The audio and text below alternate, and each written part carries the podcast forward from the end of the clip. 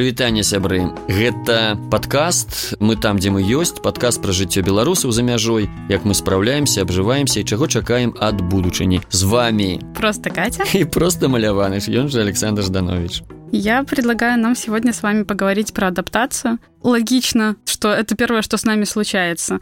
И умные психологи говорят, что есть целых четыре этапа адаптации. Это медовый месяц, постепенное разочарование, приспособление и бикультуризм. Я предлагаю посмотреть, как мы прожили или еще не прожили какие-то из этих этапов. Вот первый, например, медовый месяц — это время, когда вы приезжаете, видите все через розовые очки и чувствуете себя туристом, сравниваете все в пользу страны, куда приехали. Вы ощущали это?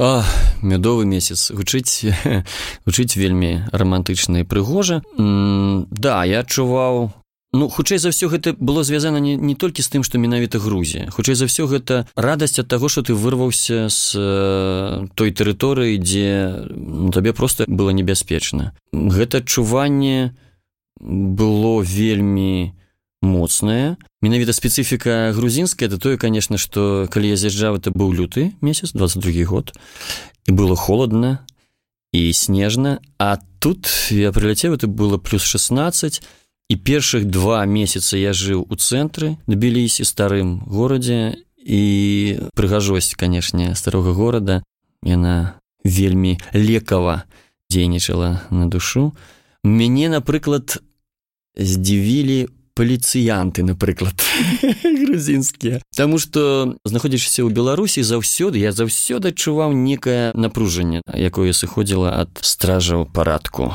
беларускіх А тут я напрыклад чуў такія гісторыі калі вось человека прыпынялі да з нейкім пытаннем паліцыянты а канчалася размова тым што а можа пойдзем віна вып'ем Вось гэта канешне приемно. Я вот все думала, как же у нас медовый месяц этот прошел. Главное, вроде как черта обещают, что у тебя отсутствует вот нотка критического мышления.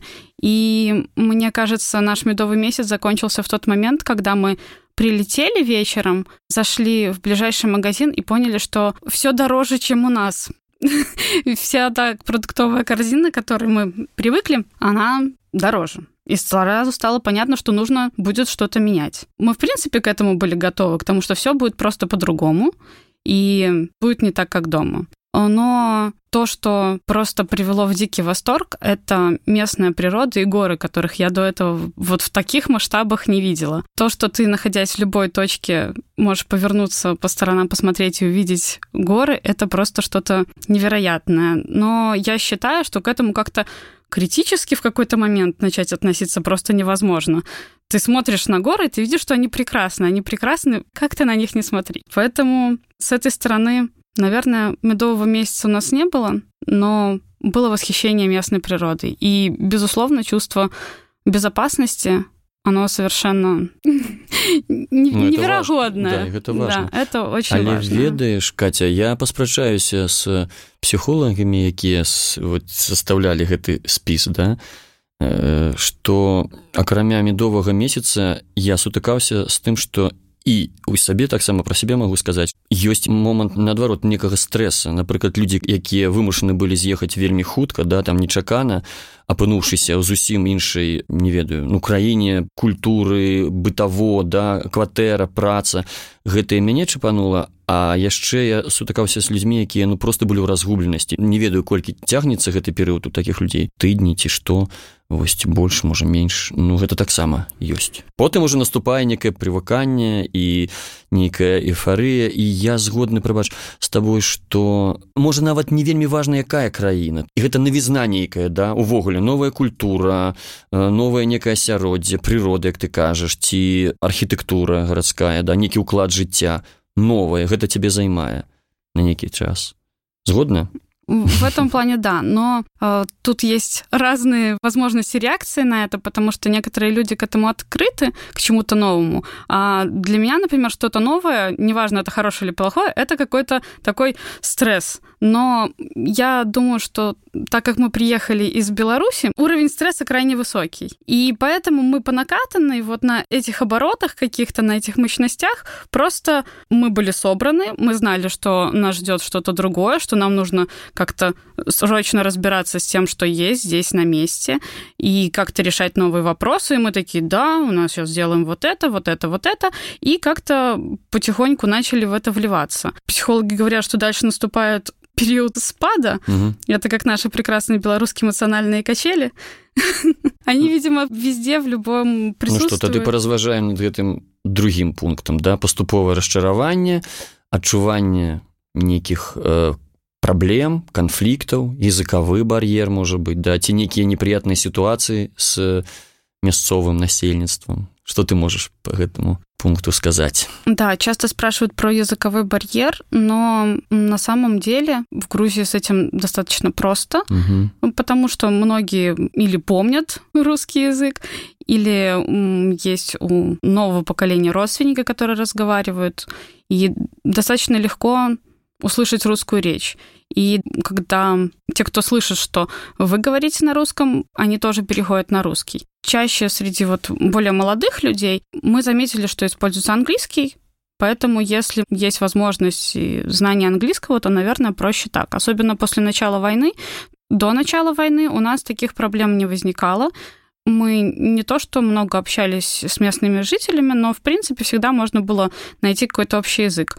После начала войны к русскому языку, естественно, отношение стало более жесткое. Но, к сожалению, мы не можем перейти на белорусский язык.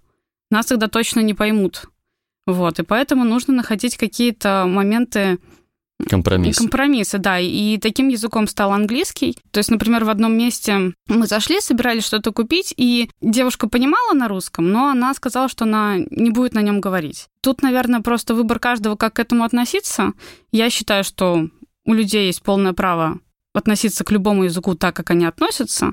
И нам сейчас главное просто найти общий язык. Я понимаю, с чем это связано. Я улыбалась, и мы закончили на прекрасной ноте. Да, мы поговорили на английском, но это я не считаю большой проблемой. И я считаю, что это самая такая конфликтная ситуация, самая большая, которая случилась, но ее даже конфликтом и не назовешь. Потому что грузины, они такие понимающие.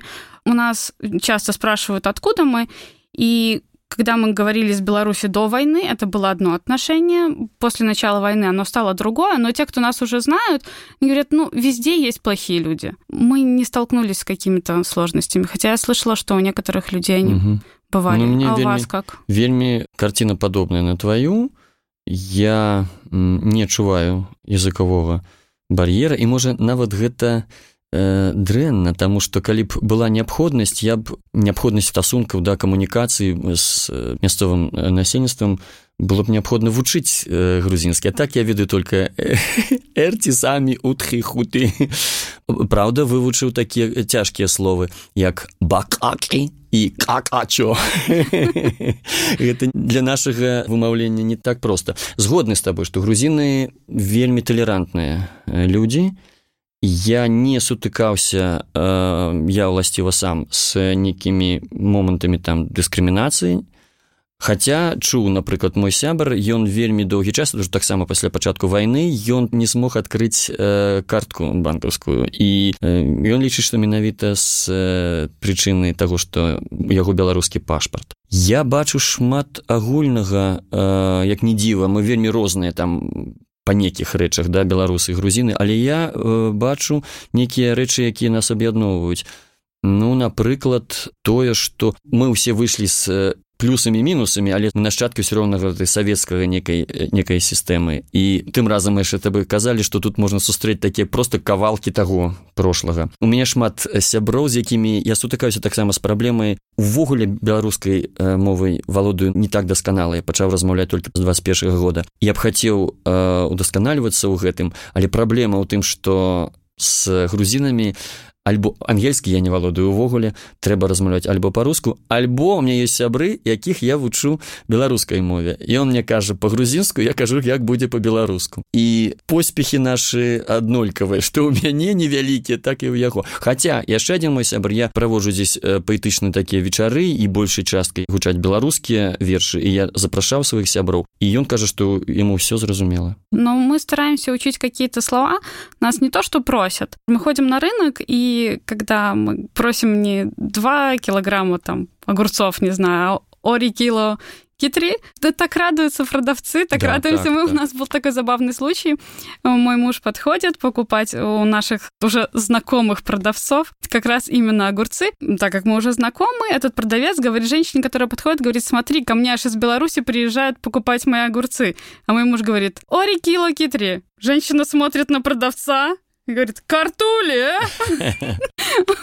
а не было что, типа мы грузины ага. а не было такого вось мы сябрам на тым же кірмашы на рынку размаўляем по-беларуску нас чуюць і стосоткаў все вельмі часто кажуць вы с украіны для, для грузінаў ўсё ж таки гэта такая яны разумеюць это не руская мова але э, як бы розніцы паміж украінай і беларусі как бы няма і шмат я таксама згодны калі даведваюцца что мы з беларусі о а я бы адкуль там гродна ці мінск а я быў а я там служыў калі в армии был и так далее да у нас тоже был такой случай мы гуляли по городу к нам подошли экскурсоводы которые часто здесь предлагают свои услуги но они не особо предлагали услуги они сказали вы наверное белорусы хотя мы разговаривали на русском mm-hmm. у вас такой русский русский, такой мягенький. А вы знаете, мы в Гомеле как-то были две недели. И это было так приятно, когда он говорит, мы ездили часто на автобусе, и говорит, осторожно, двери зачиняются, а. наступный припынок Гомсельмаш. Класс. Так что, наверное, из всех сложных ситуаций можно как-то выходить, и это идет такой плавный выход в прывыканне в адаптацыю але ведаеш па... згодны. Але ведаеш можа тут яшчэ один момант трэба закрануць что напрыклад праблема беларусаў польшчы напрыклад а я туды некалькі разоў да ездзіў тое что блізасць мовы блізасць культур беларускай польскай ёсць рызыка ператварыцца ў паляк асабліва гэта дзяцей датычыцца я бачыў як дзеці маленькія яны вельмі хутка а яны вельмі все хутка ўспрымаюць мен уже лапучыць па-польску а ў беларусаў нават якія беларускамоўных просто відавочна яны гэта не чуюць. Нават бо яны ў гэтым асяроддзі польскім відавочны вельмі моцны польскі акцэнт. Нам гэта не пагражае у грузіі. Это точно Но, с другой стороны, мне кажется, ничего плохого нету в том, чтобы знать и польский, и украинский, и белорусский, и если нас это сделает ближе, то почему бы и нет. Главное как-то не потерять свое. В любом случае, от того, на каком языке мы говорим, мы ближе к своим корням, к своей стране, но мы, как люди, не меняемся слишком сильно. То есть, если ты такой человек, то ты такой, какой есть. Напевно, потребен баланс некий, да, як вось золотая некая сярэдзіна. Да. Идем далее? Да, давайте пойдем к третьему этапу. Это приспособление, когда какие-то сложности уже позади, и вы примерно представляете, как можно решать проблемы в каких-то ситуациях. Вы находите уже общий язык с местным населением, и на этом этапе люди уже могут кому-то помогать. Наверное, чтобы к этому этапу плавно перейти, нужно подумать, как, может быть, мы можем дать какие-то советы, как обходить вот эти сложные психологические моменты, когда нам тяжело во время упадков, как себя из этого вытащить. Может быть, у вас есть какие-то свои приемчики? Есть. Я тут э, в Грузии живу уже э, год и амаль три месяца. И коли я только приехал, я ўжо казаў пра гэта што спачатку ёсць момант такі як бы некай ну не панікі но а што як? Што далей? Я вельмі прыслухоўваўся да тых людзей якія жывуць тут уже наших беларусаў якія жывуць уже год і больш. І вось яны мне раз распавядалі пра гэтыя самыя псіхалагічныя ямы калі раптам у розных крыху по-рознаму людзей там праз три месяца праз паўгады. Раптам ён кажа не все я збіраю рэчы я еду домой он кажа куды? Якой домой? Ты у турму і реально просто не все я вот это некія псіхалагічныя ямы. Ужо веданне того что яны ёсць гэтыя ямы цябе как бы падрыхтоўвае до таго что трэба неяк з гэтым нешта рабіць да? Что рабіць? Па-першае мне падаецца что трэба разумець все ж таки выигрывае той хто разумее что гэта бег не на кароткую дыстанцыю. І неяк разлічваць свае вось гэтыя эмацыйныя сілы да што гэта можа нават для кагосьці будзе бег на вельмі доўгую дыстанцыю. Гэта таксама важна как бы не адразу все сілы как бы кінуць на гэты бег. Гэта ну праца безумоўная. Ну, я маляваў заўсёды напрыклад да. Зараз вот ну калі ёсць такая магчымасць я ўсё ж таки до гэтага вяртаюся. Потым ведаеш што фізічнае прытыкаванне просто вось фізічныя нагрузкі гэта нураюць усе псіхолагі і дактары яны дазваляюць пазбягаць нейкіх да таких псіхалагічных стрэсаў.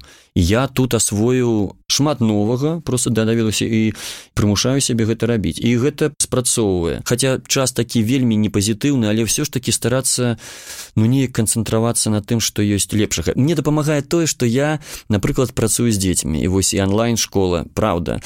Бо падтрымліваючы кагосьці ты як бы на насамрэч дапамагаеш самому сабе. І э, калі я рассказываю дзецям пра неабходнасць э, вось засяроджвацца на нечым пазітыўным да на надзеі ёсць цудоўная кніга такая дзіцячая але я раю хто не чытаў і для дарослых. Паліанна дзяўчынка якая гуляла ў радасць бо якая б сітуацыя з ёй не здаралася яна знаходзіла а чаму у гэтай сітуацыі можна радавацца. Не буду падрабязаны хай людзі прочитают. Да, я тоже эту книжку читала, но я читала как-то очень давно, правда, но я помню это ощущение какого-то света, тепла от э, самой Полианны и вообще после прочтения этой книги. И, кстати, книги, они могут быть еще одним способом, чтобы поддерживать себя, потому что это какой-то новый мир, который совершенно другой. Возможно, не стоит брать какие-то тяжелые темы, хотя некоторым, наоборот, тяжелое помогает пережить тяжелое. Можно иногда просто отвлечься и почитать совершенно другую жизнь и другой мир. Про эмоциональные ямы я уверена, что они бывают у всех. Потому что и иногда даже ты не знаешь, где тебя накроет у меня была такая, ну, глупейшая ситуация. Я понимаю, что она не стоит того, чтобы даже огорчаться. Я делала Зин. Зин — это такие маленькие журнальчики самоздатовские, которые делаются очень маленьким тиражом, и они чаще всего просто дарятся каким-то знакомым или раздаются тем, кому интересна тема, на которую ты сделал этот журнальчик. Все, что нужно было сделать, это просто напечатать на черно-белом принтере с двух сторон. И когда мы обошли более пяти печатных салонов, и нам не смогли распечатать так, чтобы с двух сторон были, вот знаете, когда голова к голове, чтобы переворачивал, и она была, например, вот с одинаковой стороны распечатана. В одном месте нам сказали, что нельзя напечатать с двух сторон разные изображения. То есть, кажется, это какая-то мелочь и какая-то глупость, из-за которой вообще не стоит расстраиваться, но на тот момент меня это так добило, я вот уже была готова вот собирать вещи, ехать, потому что все, я устала. Мне в такие моменты помогает вот когда совсем тяжело, просто дать себе погрустить. Может быть, это не какой-то продолжительный срок, потому что если сказать, все, сегодняшнего дня я грущу, можно лечь так и вообще никогда не стать. Но, возможно, прям математически себе вот дать время, что я вот следующий час или два, я вот грущу как могу, я могу там и поплакать, и полежать, просто глядя в потолок. Или вообще ничего не делать. Угу. Вот, просто разрешить себе это время страдания, да, пожалеть себя, сказать, что да, все вот так вот. Ну, а потом как-то становится легче. И еще большая поддержка это люди, которые с тобой рядом. Угу. Если есть кто-то, ну, кто с семьей, это определенно большая поддержка. Но и мне кажется, что в принципе белорусы, которые оказались за границей сейчас, они сами друг друга очень хорошо поддерживают, так, потому что мы понимаем друг друга так, как никто. Потому что не нужно дополнительной что-то рассказывать, объяснять, мы просто понимаем. Мы да. у одной лодцы, да. А да. ведаеш, што я яшчэ забыў дадаць, што Грузія краіна, дзе вельмі добра падарожнічаць, ёсць што паглядзець, і это нейкія знешнія ўражанні, яны таксама ну падтрымліваюць, да культурнае жыццё напрыклад дзіўна што я дарэч хаця мог бы і больш актыўна это выставы мастацкія да спектаклі якія можна глядзець. Ну і ты маеш рацыю гэта я напрыклад адзін ну не буду падрабязнасці нейкі но я адзін тут да без сям'і. Але магчымасць стасавацца да камунікаваць мне з'явілася вялікая колькасць ну могу сказаць сяброў нават не просто знаёмстваў сярод беларусаў. І гэта таксама тое што дапамагае неяк падтрымліваць адзін аднаго там новыя ўражанні Так, что далей у нас? Что такое бікультурызм? Ты калі ласка расталку я, я, я здагадваюся да то бок гэта калі чалавек ужо становіцца акрамя той культуры да якую ён несе з сабой з дня нараджэння да і, і жыцця у нейкай краіне такім асяроддзе культурным што ён напалову прыехаўшы ў новую краіну ён уже напалову робіцца там не ведаю амерыканцам аўстралійцам ці грузінам ну, ну сумняваюся што сапраўдных грузінам это момент когда вы начинаете уже здесь себя ощущать как дома угу. когда в вас как раз-таки уже две культуры становятся практически равными, и вы чувствуете себя и там, и там хорошо. И вот я не знаю, дойдем ли мы до такого этапа, но мне кажется, что нет Что... Восемь мне так сдается. Что для многих белорусов это тяжело уехать, где-то, если они собираются вернуться домой особенно, почувствовать себя наконец-то как дома. У вас есть такое в планах? Или, может быть, вы знаете людей, которые уже настолько ассимилировали в новой среде, что mm-hmm. им хорошо? Ну, ведаеш, что, дарэчы, на эту тему можно э, как бы еще сказать, что весь есть история эмігранства, якая не мы першая и, на жаль, можа не мы апошнія што гэта гісторыя якая паўтараецца у жыцці шмат якіх народаў. Мы успомнім да той самы знакаміты філасофскі праход да калі неверагодная колькасць да людзей з'язджала тады з расійскай імперыі і гэтак далей. І вось досвед гэтых людзей ён таксама можа чамусьці навучыць. Ён не заўсёды дарэчы я разумею што я маляванышы павінен як бы расказваць дарослым прыемныя казкі але я ўсё ж таки хочу казаць праўду так як я яе бачу. І вопыт досвед э, эміграцыі звычайна кажа пра тое што як бы чалавек не хацеў захавацца там не ведаю беларусам у нашым выпадку да бо мы беларусамі нарадзіліся і э, мы пражылі большую частку жыцця ну я так дакладна у беларусі ўсё ж таки мы будзем нешта губляць у гэтым сэнсе. І дарэчы то ўвогуле тэма якую я яшчэ і першы раз хацеў закрануць і вот пры не забываць катя про тое як бароцца з гэтай непазбежнай вось расставаннем гэтых двух берагоў. Тых хто засталіся беларусы і тых хто з'ехалі. У нас свае праблемы у іх свае праблемы. Мы сочым за тым што адбываецца у беларусі. Нам баліць. Гэта таксама можа цікавая новая тэма. Што рабіць з гэтай болю да? З аднаго боку трэба неяк хавацца ад гэтага да каб захаваць просто псіхіку нармальную а з іншага боку ну як можна не жыць у кантэксце таго што адбываецца з тваёй краінай і не ўплываць неяк на гэта?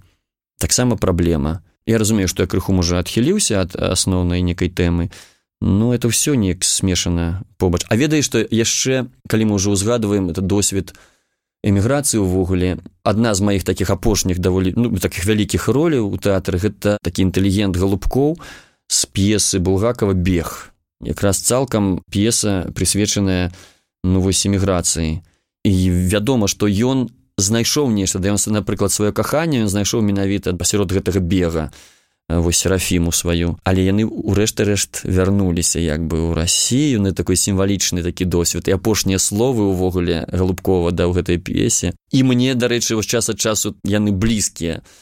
Мне здаецца што я бачу сон вось мне да гэтага часу здаецца што я жыву ў нейкім сне. Я вас прекрасно понимаю и мне кажется что на вопрос что с этим делать э, этим нужно делиться об этом нужно говорить.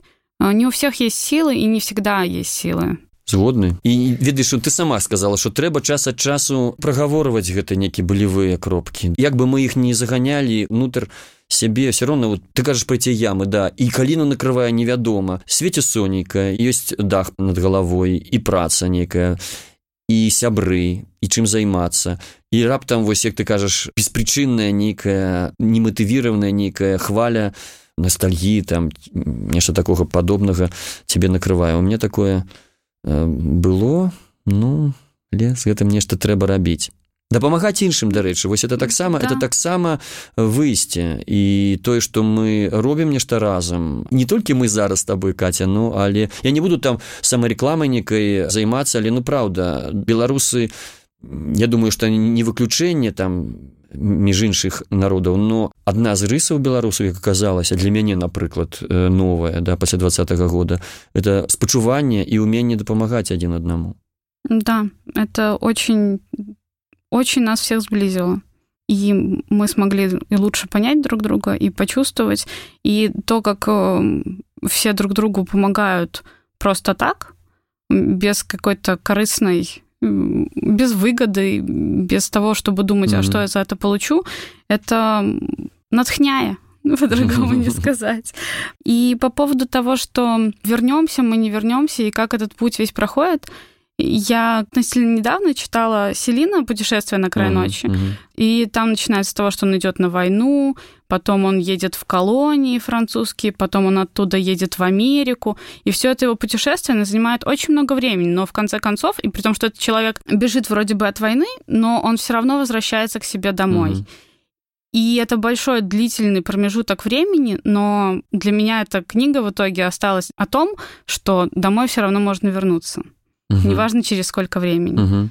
И да, мы будем говорить о том, что мы как-то впитываем чужие культуры, меняемся. Да, мы придем другими, но это не значит, что мы станем хуже.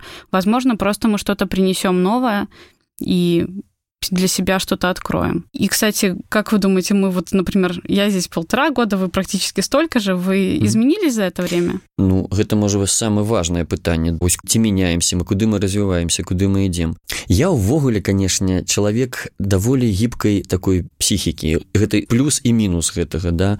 І я як той жыву я уже повторуся можа як той вожак які как бы кажа а няхай э, рака мяне сама нясе я лічу что нейкія абставіны жыццёвыя яны даны нам для таго каб можа не так уже бороться з імі как просто з іх нейкі досвед да браць каб яны рабілі цябе ну узбагачалі цябе.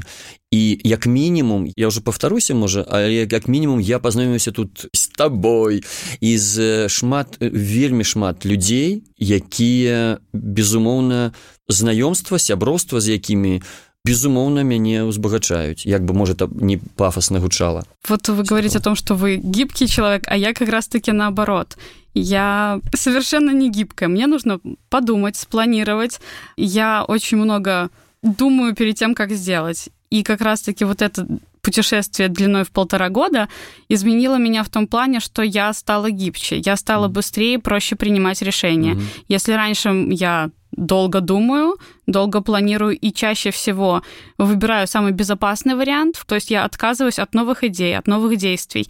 А сейчас, наоборот, я заметила, что я могу себе позволить пробовать что-то новое, возможно, это не такое великое и огромное, но с меньшим страхом перед будущим. Наверное, то, что у нас это будущее крайне мутное и непонятное, и непредсказуемое, э, дает свободу действий и каких-то решений, на которые бы раньше, возможно, мы бы и не решились. То есть мы понимаем, что все может измениться завтра, но на сегодня мы приняли вот такое решение и посмотрим, что с этим решением будет завтра. Ну так. І безумоўна, гэта некая колькасць людзей, якая просто не можа знайсці э, я имею на увазе наших беларусаў мігрантаў не можа знайсці сабе той занятак по той прафесіі якой ён валодае да і яны просто абставіны гэта вымушаюць іх ну як і ты кажаш авалодаць нечым новым. І гэта можа быць цяжка але гэта можа быць і карысна. То есть гэта ну чалавека таксама узбагачае да робіць яго больш нейкім шырокім глыбокім Так, ну а чым же з такім пазітыўным э, скончыць нашу размову? А ведаеш што? Я раскажу пра адзін вопыт, які мяне вельмі уразіў. Я яго расказваю дзецям, дарэчы, таксама онлайн. Над мышамі рабілі такой эксперымент.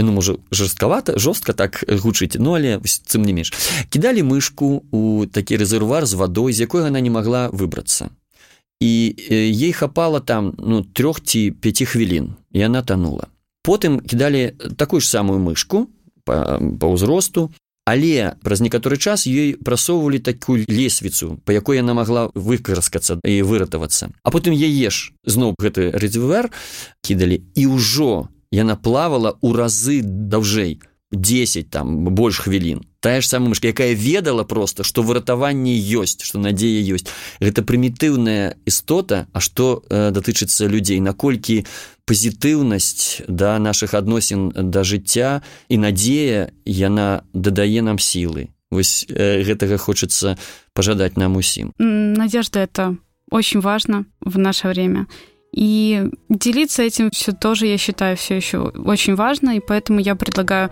нашим слушателям, э, если вы хотите поделиться с нами тоже своими историями, как вы проходите адаптацию или не проходите, э, напишите нам об этом, напишите на наш email или в телеграм-канале, мы все ссылочки оставим под выпуском. Спасибо вам большое, что слушаете нас. Мы там, где мы есть. До побачення. До свидания.